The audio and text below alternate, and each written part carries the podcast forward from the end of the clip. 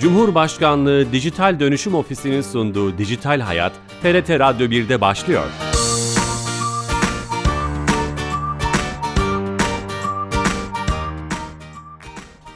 Herkese merhaba, ben Bilal Eren. Teknoloji ve dijitalleşmenin hayatlarınızı etkilerini her hafta bir başka konuyla ele aldığımız Dijital Hayat programımıza hoş geldiniz. Bu hafta görünmeyen, duyulmayan risk olarak, tehlike olarak nitelendirilen elektromanyetik kirlilik konusunu ele almak istedik. Çok değerli bir konuğumuz olacak. Canlı yayınımıza telefonla katılacak. Üsküdar Üniversitesi Mühendislik ve Doğa Bilimleri Fakültesi Dekanı Profesör Doktor Osman Çerezci hocamız canlı yayınımıza konuk olacağız ve bu önemli meseleyi gündem yapmaya çalışacağız. Ama öncesinde her hafta olduğu gibi hayatımızı kolaylaştıran servisleri bizlere dijitalleştirerek sunan Dijital Türkiye'den e, Ayşe Torun'dan yeni bir hizmeti dinleyeceğiz kendisinden. Kendisi telefon attığımızda. Ayşe Hanım. Bilal Bey iyi yayınlar. Hoş geldiniz yayınımıza. Teşekkür ederim. Söz sizde efendim. Teşekkürler Bilal Bey. Ee, Bilal Bey sizlere daha önce Bilgi Teknolojileri ve İletişim Kurumu'nun çok kıymetli hizmetlerinden bahsetmiştik. Bugün yeni açılan farklı bir hizmetten bahsedeceğim yine aynı kuruma ait. Ee, bildiğiniz üzere mobil hat, sabit hat, internet, kablo, uydu e, ve buna benzer e, Bilgi Teknolojileri ve İletişim Kurumu'nun e, yönetiminde olan birçok uygulama kullanıyoruz biz evlerimizde, iş yerlerimizde. E, bunlarla ilgili kıymetli bir hizmet vardı. Hı hı. E, bu işletmecilere ait borç ve alacakları sorgulama, ödeme ve iade işlemlerini yapmaya ilişkin bir hizmet entegre etmiştik bize devlet kapısına daha önce. Bunu da sizler aracılığıyla duyurmuştuk. Hı hı. E, biliyorsunuz e, bu tip hizmetleri ülkemizde sadece gerçek kişiler almıyor. Firmalar, güzel kişilikler, iş yerleri, hepimizin iş yerinde mevcut internetler. E, buna ilişkin e, tüzel kişiliklerin de bu hizmetlerden yararlanabilmesi için borç alacak sorgulama, ödeme ve iade işlemlerinin tüzel kişiler için yeni hizmeti E-Devlet kapısında sunulmaya başlandı. Bireysel olarak verilen hizmet tüzel kişiler olarak da verilmeye başlandı. Aynen öyle Bilal. Ellerinize sağlık, emeklerinize sağlık. Teşekkür ediyorum. İyi yayınlar diliyorum. Çok teşekkürler. Sağ olun. Dijital Türkiye Ekibinin Ayşe Torun'dan e, var olan hizmetin güncellenmesi anlamında yeni bir servisi dinlemiş olduk. Yeni katılan dinleyicilerimiz vardır. E, görünmez, duyulmaz risk olarak nitelendirilen elektromanyetik kirlilik konusunu konuşacağız. Telefon attığımızda Üsküdar Üniversitesi Mühendislik ve Doğa Bilimleri Fakültesi Dekanı Profesör Doktor Osman Çerezci hocamız var. Hocam hoş geldiniz. Hoş bulduk. İyi yayınlar diliyorum. Sağ olun hocam. Sağ olun. Çok teşekkürler. Ee, hocam bu konuyu e, ilk önce bir çerçeve tanımla başlayalım mı? Hiç e, bilmeyenler için elektromanyetik alan, elektromanyetik e, kirlilik Biraz ne anlama geliyor? Bilal Bey bahsettiniz bu görünmez, e, içime duyulmaz bir adeta hayal, hayalet gibi bir e, kirlilikten bahsediyoruz. Hı hı. Tabii bir hava kirliliği olduğu zaman e, tedbir alıyoruz. E, işte daha önce pandemi döneminde e, vücudumuzu mikroplar sarmasın diye biliyorsunuz maske takıyorduk. Hı hı. Koruyucu önlemler alıyorduk. Ama elektromanyetik radyasyon deyince tabii e, biraz daha e, farklı e, yöntemlerle e, eğer bundan e, vücudumuz rahatsız olmasını istemiyorsak e, almakta, uymakta fayda var. Elektromanyetik e, radyasyon, elektromanyetik kirlilik elektriksel cihazların e, yakınında bulunduğumuz zaman özellikle çalıştıkları zaman vücudumuzun bedenimizin maruz kalacağı bir kirlilik türü. Bunları e, seviye olarak biz tabii ölçüyoruz cihazlarla ama duyularımız bunu ölçecek boyutta değil. Ama çok şiddetli olursa tabii beden üzerinde, göz üzerinde, kulaklarımızda, beynimizde ciddi rahatsızlıklar yapabilir. Bunu böyle e, söylemek isterim. Elektromanyetik kirlilik elektrik alan denilen e, ve manyetik alan denen iki fiziksel etkiden ibarettir. Bu e, fiziksel etkiler tabii ki çevremizde bugünkü yaşamımızın teknolojiyi yoğun kullandığımız yaşamımızda hepimizin çevresinde e, belli bir boyutta, belli bir seviyede var. Bunu e, tabii ki e, ister istemez buna biz şu anda katlanıyoruz. Ama bunun boyutunu eğer e, ne kadarına biz e, rıza göstereceğiz, ne kadarıyla yaşamımızı devam ettireceğiz gibi bir soru sorulduğunda bu hayli e, tartışmalı bir konu. Bunu da tabii e, ifade etmek isterim. Hı hı. Biraz önce Bilgi Teknoloji İletişim Kurumu'nun kolaylıklarından bahsedildi. İşte borç sorgulaması vesaire, mobil araçlarda, mobil cihazlarla ilgili. E, e, e, tabii ki bu mobil e, cihazlarla, kablosuz iletişimle bu kadar iç içe yaşarken onları kullanırken bir bedel ödüyoruz. Faturası var. İşte her ay ne kadar borcumuz toplanıyorsa ödüyoruz. Ama bunun bedeli sadece ödediğimiz para olmadığında e, bilmek gerekiyor. Toplum olarak bilinçli bir tüketici mantığıyla hareket etmek gerekiyor. Dolayısıyla bazı önlemler alınabilir. Özet olarak bunu söyleyebilirim. Hocam şöyle e, o zaman şu, sizin bu çerçeve tanımımızdan e, şunu anlıyorum. Bazı e, e, cihaz o zaman doğada da var bu. Yani doğal olan doğal olan elektromanyetik alanlar da var. Herhalde güneş Tabii. bunlardan bir tanesi. Zaten elektromanyetik kirlilik dediğimiz şey elektromanyetik radyasyon çevremizdeki. Radyasyon zaten ışık demektir. Hı hı. Güneşten tabii değişik e, dalga boylarında, değişik frekanslarda yeryüzüne ışık geliyor. İşte biz bunu tabii ki görünür ışık e, boyutunda gözlerimiz fark ediyor. Bir de bunun dışında tabii ki bir e, farklı frekanslarda e, dalgalar var. Bunlar tabii ikiye ayrılıyor. Bir nükleer yani iyonize radyasyon, diğeri de iyonlaştırmayan radyasyon. İyonize radyasyonu zaten vücudumuza çarptığı zaman hücrelerdeki atomlardan elektron koparacak kadar güçlü ışınlar bunlar. Alfa, beta, gamma ışınları, X ışınları bunlar iyonize radyasyon. Hı hı. Ve dokulardaki atomlara çarptığında elektron koparacak kadar güçlü. Ama elektromanyetik radyasyon iyonlaştırmadan vücudumuza e, geliyor. Vücudumuza çarpıyor. Yani şu anda cep telefonu konuşurken örneğin kulağımızı eğer yakın tutuyorsak vücudumuz bir şekilde elektromanyetik radyasyonla baş başa kalıyor. E bu ne yapıyor dersek bu tabii ki e, dokulardaki elektronu koparmasa bile bu bir enerji taşıdığı için vücudumuza enerji geçişi yapıyor. Hı hı. Ve o bölgede sıcaklık artışı ısınmaya neden olabiliyor. Böyle etkileşimleri tabii akla getirmek şu, gerekiyor. Şu an teknolojiyi kullanacağız. Hı hı. Fakat teknoloji bilinçli kullanmakta çok çok önem taşıyor. Bu çağımızda bu giderek bu kadar artan kablosuz iletişim bize bu noktada bir e, dikkat çekiyor. Onları soracağım hocam. Hani neler yapabiliriz Buyurun. vesaire. Şeyi merak tamam. ediyorum. E, e, bu cihazları birkaç örnek verecek olursak mesela şu an radyo yayını yaptığımız bu teknoloji de aslında bir elektronik Tabii. manyetik alan Tabii. oluşturuyor. Tabii, Tıp, tıpkı, oluşturuyor. Tıp, Örneğin tıpkı e, telefonlar gibi. Çamlıca'da oturuyoruz. E, Çamlıca Kulesi yapıldı. Bütün e, radyo, televizyon antenleri oraya toplandı. Bu güzel bir şey. Daha önce çok dağınıktı. Her daha fazla bir Çamlıca civarında elektromanyetik kirlilik oluşturuyordu. Ama bu şekilde tek bir kulede ve daha yüksekliği de ciddi boyutta büyük bir kulede bunların bir bütünleşmesi kirliliği azalttığını söyleyebiliriz. Yani bunu rahatlıkla söyleyebilirim. Çünkü ölçümler yapıyoruz biz bunu görüyoruz. O zaman şöyle diyebilir miyiz hocam? Doğal ve doğal olmayan elektromanyetik Tabii. alanlar var. Doğal olanlar doğal olmayanların Tabii, bazı zarar, zararları var. Tabii güneş ışınları, işte e, diğer e, cisimlerden gelen atmosferden geçen ışınlar var. Tabii bunlar vücudumuzda doğal olarak alışık olduğumuz bir şey. Bir yüz yıl önce bu kadar bir e, frekansta e, iyonize olmayan radyasyona insanlar maruz kalmıyordu. Hı hı. Ama hı hı. şimdi günümüzde e, örneğin İstanbul'da yaptığımız ölçümlerde e, her giderek bu elektromanyetik kirliliğin boyutunun belli bir şekilde yükseldiğini görüyoruz. Hı hı. Tabii ki e, kurumlarımız bunu kontrol ederek belli limitlerde kalmasını, uluslararası limit seviyelerini dikkate alarak kontrol ediyorlar. Bunlar tabii bu konuda da, da halkımız tabii tamamen e, korumasız ve e, şeysiz değil yani. Tam onu soracaktım. Sahipsiz değil. Sayın Bunu Hocam. belirtmek lazım. Şimdi, şimdi e, sanırım geldiğimiz bilim seviyesi evet. hangi cihazın, işte, hangi kay... Mesela bu kulenin yapılması bu işte halkımızı koruyucu bir ciddi bir önlem İstanbul için Çamlıca. Evet onu onu, onu Sayın Hocam onu sormak istiyorum. Ee, şu an herhalde geldiğimiz bilgi seviyesi hangi cihazın hangi kaynağın ne kadar elektromanyetik e, alan içinde yaydığını, onun üst zarar sınırlarını vesaire tespit tabii, etmiş tabii. durumda. Mesela birkaç tabii. örnek verebilir misiniz? Örneğin telefonlarımızın, akıllı telefonlarımızın ha. veya mikrodalga fırınlarımızın yani üst sınırları neler? Geçen hafta yani bir e, telefon e, önemli bir tür bütün dünyada en çok satılan e, telefonun e, 12'li şeyi versiyonu e, Fransa'da onu da soracaktım hocam. Yaydı diye Fransa'da e, ölçülmüş örneğin. E, ve o noktada bir uyarı yapıldı.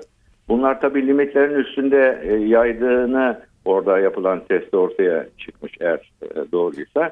Dolayısıyla e, firmada önlem alacağını söyledi. Tahmin ederim o önlem alınmış olabilir. Yani limitler var. Hiçbir elektronik cihaz e, canlılara ve yakınındaki başka e, elektrikle çalışan elektronik cihazlara zarar vermeyecek şekilde elektromanyetik radyasyon çevreye yayması lazım. Yani çalışırken hem yakınında oturan insanlara, e, işte canlılara zarar vermemesi gerekiyor. Onu kullanan, onun yakında bulunan personele hem de yakınında bulunan elektriksel cihazları da yanlış e, tetiklememesi gerekiyor. Düşünün hastanede e, tanı ve tedavi cihazı var hastanın vücuduna bağlanmış. Eğer orada e, önemli bir seviyede elektromanyetik radyasyon kaçağı varsa yani elektromanyetik kirlilik diyelim biz buna o zaman hastayı tedavi edici parametreler doktorlar tarafından yanlış gözlenecek. Doktorlar fark edemeyecek, yanlış tedavi uygulayacaklar. Doz e, azaltıcı veya doz e, artırıcı bir takım yanlışlıklara gidecekler. Bu da hastanın e, tedavisinde ciddi rahatsızlıklara, ölümcül kazalara sebep olabilir. Dolayısıyla bu tür şeyler artık hem ülkelerde hem ülkemizde e, kontrol altında tutulmasına gayret ediliyor, çalışılıyor. Bunu belirtmemde evet. tabii fayda var. Hocam peki e, örnekler verecek olursak verebilir miyiz? Mesela biz bireysel olarak bir telefonun ne kadar radyasyon yaydığını veya bir mikrodalga fırının... Tabii, telefonun e, ne kadar e, radyasyon yaydığını mesela kulağımızın e, dibinde tuttuğumuzda bir de bazı istasyona erişimine de tabii ki bağlı bu. E, dolayısıyla e, yani 40 birime kadar yayabilir. 10 birim yayan var. Bu erişim mesafesini bazı istasyonla olan erişim mesafesi de burada önemli. Kişinin bulunduğu yer de önemli. Yani çok e, korumalı bir bölgedeyse cep telefonu daha fazla güçle çalışacak erişim yapması için. Bu da daha fazla e, elektromanyetik radyasyon yayması demektir. Bugün için bu limitler e, örneğin ülkemizde e, en fazla 61'i aşınma, aşmaması gerekiyor. 61. 61 Peki biz bunu bireysel olarak nasıl bileceğiz? Bir şeyin 61'in altında mı üstünde mi? Bilemez. Bilemeyiz. Piyasaya satılanlar, satılan piyasaya çıkan her ürün bu testlerden geçtikten sonra artık güvenceli bir şekilde piyasaya sunuluyor. E, ülkemizde de bunlar tabii kontrol ediliyor. Tamam, devletin Fransa'da de, yapılan şey bu kontrolün sonucunda ortaya çıktı. Devletimizin bu konuda bir kurumu var anladığım kadarıyla. Bilgi İletişim e, Teknoloji Kurumu bu konuda laboratuvarı var Ankara'da. Tamam. E, cep telefonlarının testini yaptığını biz biliyoruz. Hatta ben o laboratuvarda bir zamanlar bulundum. Hı hı. Nasıl yapıldığını tabii ki orada bizzat gözlemledik kontrol. O, o zaman herhangi bir elektromanyetik alan yayan cihaz piyasada satışa, servise, hizmete sunulmadan önce ilgili kurumdan onay alması gerekiyor. Öyle onay piyasaya alması. çıkması gerekiyor. Tabii tabii kesinlikle. Yani Pe- bu hem başka cihazları e, bozmaması gerekiyor hem de yakında olan canlılar. ikisine de e, titizlikle sağlaması gerekiyor. Hocam sizi bulmuşken çok soru sorayım istiyorum. E, bilgileriniz tabii, çok tabii. kıymetli bizim için. Peki şöyle bir provokatif soru sorayım. Fransa'da ki örnek verdiniz. Eylül'ün başında oldu. Biz de aslında bu programı yapmamızın nedenlerinden bir tanesi o haberin dikkat çekici olmasıydı. Size ulaşmak istedim ve hani size size danışmak istedik. Fransa'daki bu Apple 12 yasağı geçici yasaklama ilgili kurum radyasyon seviyesini yükseltmiş. İki sorun var. Birincisi bunu neden şimdi fark etti Fransa? İkincisi Türkiye'de neden Apple 12 hani işte iPhone 12 satılmaya devam ediyor. Nasıl izin verdik? Gibi provokatif sorular da geliyor insanın aklına. Yani tabii e, buna e, bu tür şeyler tabii sürekli olarak piyasaya o kadar sürülüyor ki e, yani bir, bir şekilde belki deneme yaptılar, test ettiler. O şekilde ortaya çıktı. Ülkemizde de belki bu testleri yapmış olabilirler. Yani ilgili kurumdan bu konuda ben bizzat bilgi almadım. Bizim elimizde bir e, bunu test edecek laboratuvar imkanları olsa biz sürekli yapardık. Biz hı hı. eski e, bu 2000'li yıllarda cep telefonu çıktığında biz onların hepsinin testini yapacak imkanlarımız vardı. Ama o kadar çok piyasada telefon var ki bireysel olarak artık onları yapmamız mümkün değil. Ama ben güveniyorum. Yani bunlar o kadar başıboş piyasaya girmiyorlar. Çünkü büyük firmalar hı hı. E, şeyleri e, regülasyonları sağlamak mecburiyetindeler. Bu kesin. Ama ben burada tabii bir şeye daha dikkat etmek, e, dikkat çekmek istiyorum. elektromanyetik radyasyon veya elektromanyetik kirlilikten en çok etkilenen e, toplumun hangi kesimidir? Şimdi bu limitler e, e, oluşturuluyor ama bu limitler insanlar üzerinde denendikten sonra işte bu kadar olursa bunu aşarsa zararlıdır denecek bir e, test yapılmıyor. Tamamen bilgisayar modelleriyle, modelleme çalışmalarıyla yapılıyor. Yani hı hı. bizzat insan vücudunda denenmiş bir e, limit belirleme olayı yok. Onun için örneğin bu elektromanyetik radyasyona e, Dünya Sağlık Örgütü 2B sınıfı kanserojen, olası kanserojen vurgusu yaparak sayfasında duyuruyor. Çünkü bunun %100 kansere sebep olduğu veya da vücuda ciddi bozucu etki yaptığına dair canlılar üzerinde yani insan vücudu üzerinde yüzde yüz denenmiş bir şey yok. Aa, burası çok önemli. Ama, Bilimsel olarak kanıtlanmamış durumda mı? Ya bilimsel olarak yüzde yüz e, yani ama tabii çok şiddetli. Yani bugünkü limitlerin üstünde e, elektromanyetik radyasyon e, bir kişiye bir vücuduna e, ışınlandığında mutlaka onda e, yanık yanıklar o bölgede yanıklar sinir sisteminde bozukluklar kulak çınlaması gibi geçici yani gözlerde e, yine aynı şekilde çünkü e, dışarıya açık bir organ bu organlarımız hı hı. etkilendi orada kesin yani kas kasılması gibi ondan ayrıca kalp e, şey implant medikal implantlar taşıyan kalp pompaları taşıyan vücutlarında kalp pili taşıyan hı hı. kişilerde çok ciddi rahatsızlıklar olabiliyor. Onun için elektromanyetik kirliliğin yoğun olduğu yerlerde veya radyasyonun yoğun olduğu yerlerde mutlaka e, uyarı tabelaları atılır. Buraya işte kalp pili taşıyanlar giremez, implantli olanlar giremez gibi e, bir takım e, dikkat çekici e, uyarı levhaları tabii ki konuluyor. Ama konumuzun... Bunları bazen biz de gittiğimiz yerlerde görebiliriz. Buyurun. Konumuzun e, asıl konusu yani örnek olarak akıllı telefonlardan çıktık ya. Akıllı telefonlarla ilgili yüzde yüz bilimsel bir uzlaşı yok anladığım kadarıyla. Öyle mi? Diye, diye, akıllı telefonlarla e, şöyle yani e, akıllı telefondan ziyade ele, vermiş olduğu elektromanyetik radyasyon seviyesi açısından belli bir piyasa şartlarını yani regülasyonları sağlayıcı bir mutlaka şey olması lazım. E, e, telefonun üretiminde mutlaka bu deklare edilmesi gerekiyor firma tarafından ve dolayısıyla bunlar da testlerden geçtiği için yani şimdi Fransa'da yapılan e, test e, öyle sonuç vermiş ama piyasa sunulmadan önce de o firma bu testi yaparak deklare etmiş durumda. Yani Sonradan yükselmiş olabilir mi Sayın Hocam? Sonra o da olabilir. Yazılım o da olabilir. belki yazılımdan bir kaynaklı bir şey olabilir. Hmm, tamam. Yani bu da bir gerçek akla gelen bir e, parametre ama firma bunu mutlaka testini yapıyor ve e, bunu deklare ediyor. E, e, insanlar da bunu tabii güven içerisinde alıyoruz ve kullanıyoruz. Hı hı. Ben tabii şuna da dikkat e, çekmek istiyorum. Yani bizim elektromanyetik e, kirlilikten e, korunabilmek için e, daha e, titiz e, olaya e, mercekle bakmamız lazım. Yani bir boyut e, cep telefonları gibi e, yüksek frekanslı elektromanyetik alan yayan e, ürünler ki bunu e, 7'den 70'e herkes çokça kullanıyor ama burada tabii bunun olumsuz etki yapabileceğini, vücut üzerinde bazı so biriken sağlık sorunlarına tetikleyici etki yapabileceği bu noktada tabii e, sağlık personelleri, sağlık kitlesi açısından e, sonu, e, araştırmalar da var.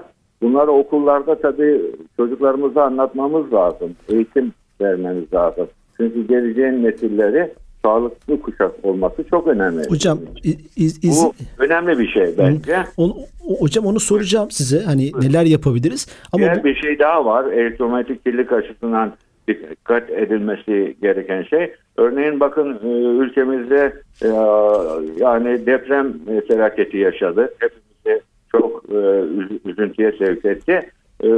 Ve şimdi konutlar yapılıyor. Depreme dayanıklı konutlar. Bunu tabi depreme dayanıklı konutlar yapılırken bu konutların elektromanyetik kirlilik açısından da minimize edecek önlemler de alınmalı. Hocam, yani, e, Sayın Hocam. Bina, buyurun, buyurun. Ben o şeyleri sormaya çalışacağım size ama bu şey çok önemli. Hatta sizin bir çalışmanız var. Onu da ben gördüm. Buyurun. Oradaki şeyi de kafamızda oturması açısından. Bu arada yeni katılan dinleyicilerimiz için e, Profesör Doktor Osman Çerezci hocamızla elektronik manyetik kirlilik konusunu konuşmak konuşuyoruz. E, kulaklığınıza misafir oluyoruz. Siz hocam 2018 yılında Bursa Nilüfer ilçesinde bir proje kapsamında 157 tane ölçüm yapmışsınız. Yüksek gerilim hatları, baz istasyonları, trafolarda. Evet. Bu ölçümler sonucunda Nilüfer'de e, spesifik bir örnek Bursa Nilüfer'de bu oranın 2.49 olduğunu ama Avrupa'da örneğin Almanya, İngiltere, Belçika, Fransa'da 0.52 olduğunu artık ölçüm parametreleri neyse. O yıl, tek, o yıl itibariyle öyleydi. 2018'e. Bu bizim için evet. bir ışık bir şey gösteriyor. Yani neredeyse 0.52, 2.49 e, iki buçuk beş katından fazla bir şeyden bahsediyoruz. Evet. Peki bu bu çok ciddi bir şey değil mi? Peki bu araştırmadan yani sonra hatta siz gösteriyor. Bu neyi gösteriyor? Gerçekten dikkat çekici bir şey. E, aynı çalışmayı biz e, Maltepe'de yaptık İstanbul'da. Kadıköy'de yaptık. E, Ataşehir'de yaptık. Yani Nürnberg Belediyesi'ne yaptığımız o çalışmanın benzer sonuçları e, bu yaptığımız ya, e, ilçelerde de var. Tamam Hatta ne oldu hocam peki? Daha fazla. Beş... Sebebi şu bence yani bu bazı istasyonları kurulurken daha e, itinalı kurulabilmeli. E, tabii şehirdeki şehirleşmeyle de ilgili. Yani binalar e, çarpık binalar yapılırsa e, oraya e, tabii ki e, kapsamı sağlanması için ister istemez e, firmalar e, yakınlarına getirerek iyi bir kapsam altında tutmayı hedefliyorlar.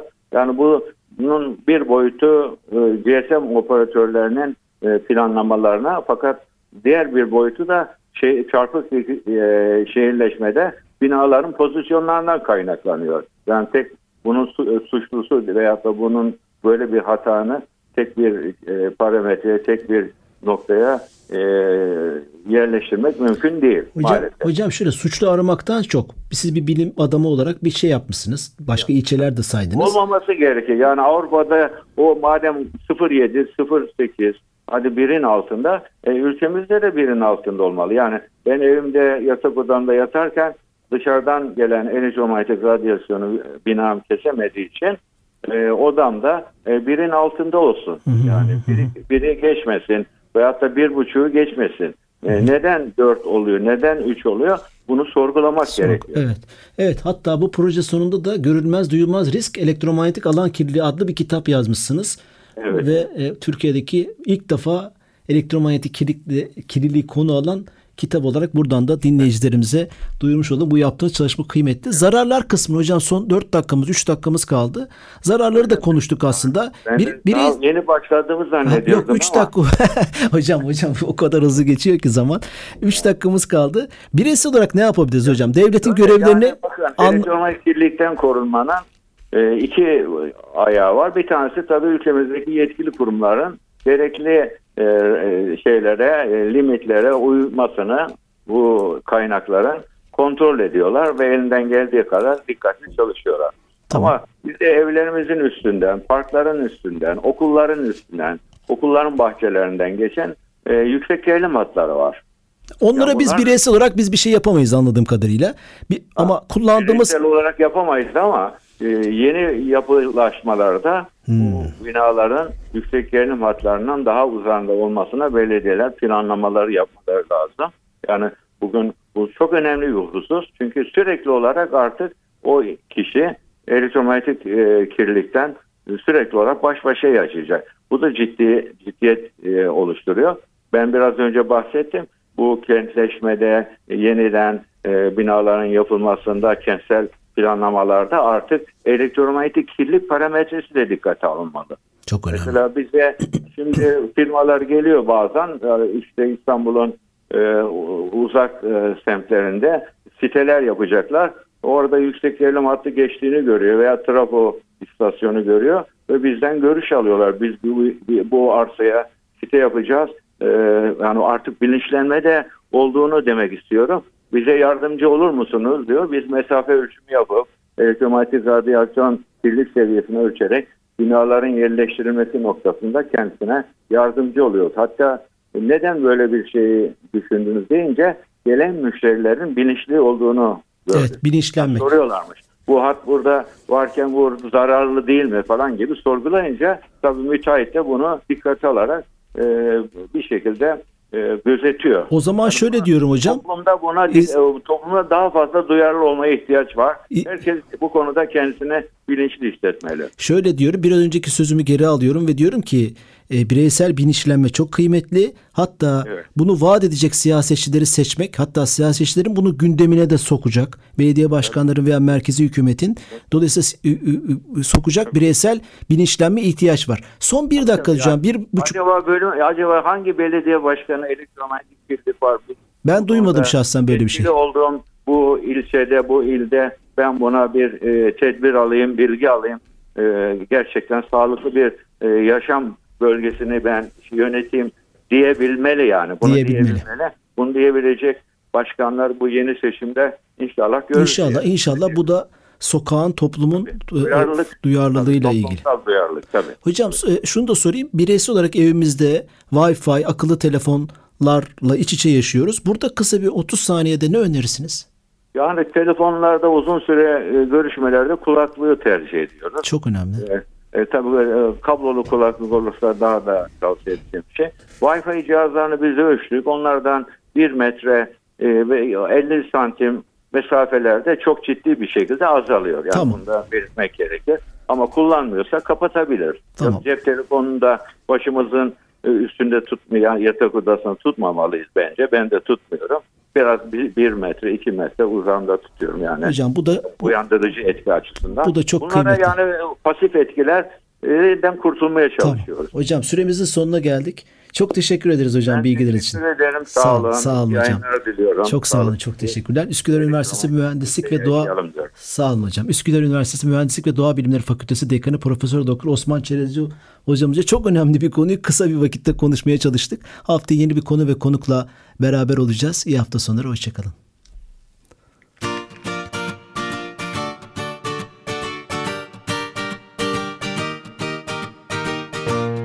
Cumhurbaşkanlığı Dijital Dönüşüm Ofisi'nin sunduğu Dijital Hayat, TRT Radyo 1'de sona erdi.